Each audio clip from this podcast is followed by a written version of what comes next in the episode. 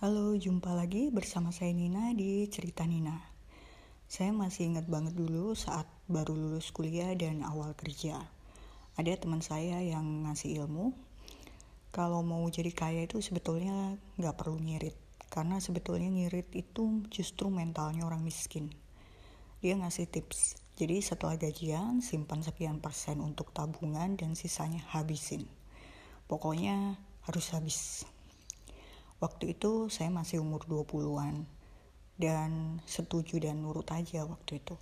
Karena saya juga sebetulnya bukan orang yang suka ngirit gitu. Jadi buat saya ini ilmu yang mudah untuk dipraktekkan.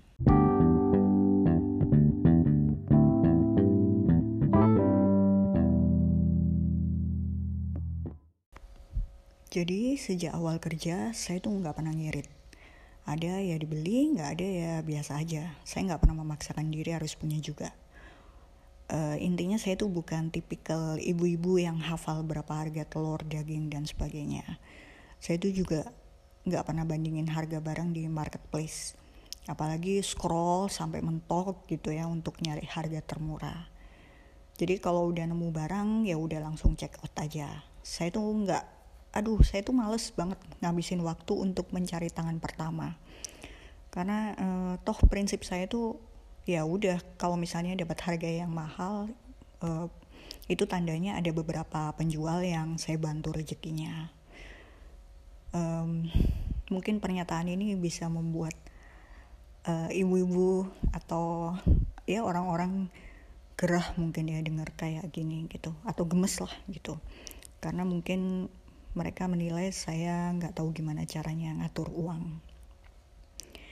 Bahkan sebetulnya saya tuh kalau ditanya berapa sih pengeluaran saya sebulan gitu, saya nggak bisa jawab gitu. Saya nggak saya nggak pernah uh, menghitung pastinya, nggak tahu berapa gitu. Uh, intinya ya alhamdulillah aja. Uh, saya selalu merasa cukup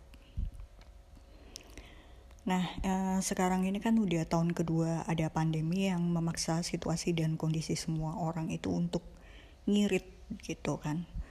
Eh, di tahun-tahun pertama itu kan kita semua dibatasi untuk melakukan pengeluaran.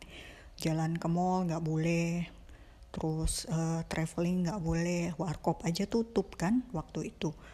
Eh, nongkrong di cafe juga nggak bisa, pesta nggak boleh, halal bihalal juga nggak ada kan tahun kemarin gitu. Jadi orang tuh disuruhnya diem aja di rumah makan tidur makan tidur gitu terus.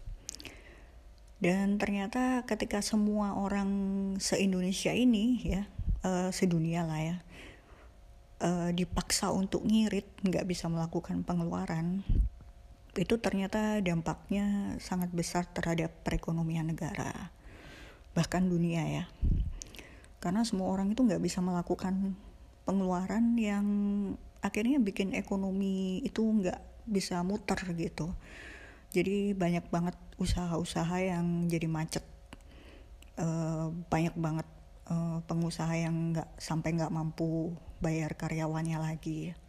Akhirnya banyak banget kan PHK banyak pokoknya intinya banyak banget pengangguran tahun kemarin sampai hari ini dan banyak juga berdampak buruk lainnya. Jadi berdasarkan pengalaman saya selama setahun terakhir ini, setelah saya renungin, saya saya itu juga memang jadi jarang kan keluar rumah dan lain-lain. Nggak pernah. Uh, saya tuh sampai berapa bulan ya nggak nge-mall, hampir setengah tahun lah. Jadi harusnya secara logika, mestinya duit saya tuh utuh gitu loh secara logika kan gitu ya. Tapi ternyata pengeluaran saya itu malah amburadul setahun kemarin. Karena ternyata banyak banget hal yang nggak yang aduh saya nggak bisa ceritakan di sini. Tapi itu membuat pengeluaran saya itu jauh lebih banyak dibandingkan situasi normal. Saya itu mengeluarkan uang karena terpaksa dengan situasi-situasi darurat yang sangat tidak mengenakan dan sekarang saya tuh jadi sadar bahwa ternyata betul sekali kalau ngirit itu bikin semua orang itu jadi miskin. Jadi bayangkan kalau hal seperti ini tuh berlangsung bertahun-tahun gitu.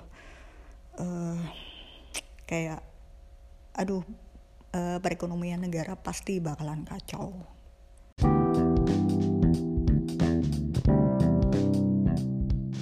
Makin ke sini saya jadi paham maksud teman saya yang ngasih ilmu kayak gitu.